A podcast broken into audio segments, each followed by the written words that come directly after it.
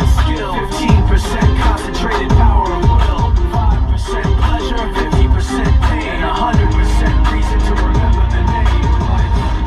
Doesn't need his name up in lights, he just wants to be heard. Whether it's the beat of the mic, he feels so unlike everybody else alone. In spite of the fact that some people still think that they know him, but fuck him, he knows the code. It's not about the salary, it's all about reality and making some noise, making a story, making sure his click stays up. That means when he puts it down, Tox picking it up.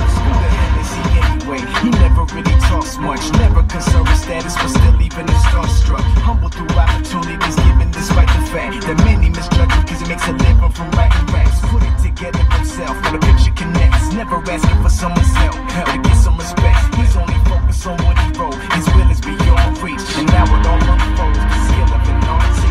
20% skill, 80% fear, be 100% clear, cause Ryu was ill. Be the one that set the West in flames? And I heard him wreck it with the crystal method, name of the game. Came back, dropped Megadeth, took him to church. I like bleach, man. why you had the stupidest verses, dude is the truth. Now everybody giving them guest spots and stocks through the roof. I heard he fucking with that stock.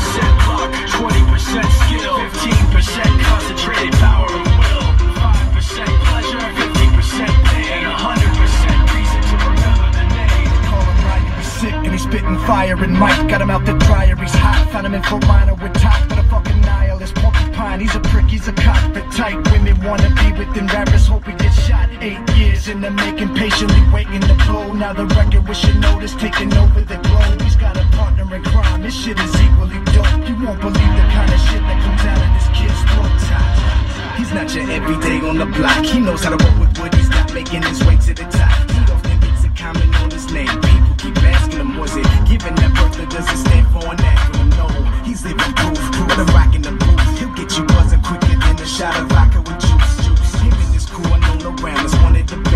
Dedicated to what they do and give 100%. Forget Mike, nobody really knows how or why he works so hard. It seems like he's never got time because he writes every note, and he writes every line, and I've seen him at work when that light goes on in his mind. It's like a design is written in his head every time before he even touches a key or speaks in a rhyme. And those motherfuckers he runs with the kids that he signed, ridiculous, without even trying. How do they do this? 15% concentrated power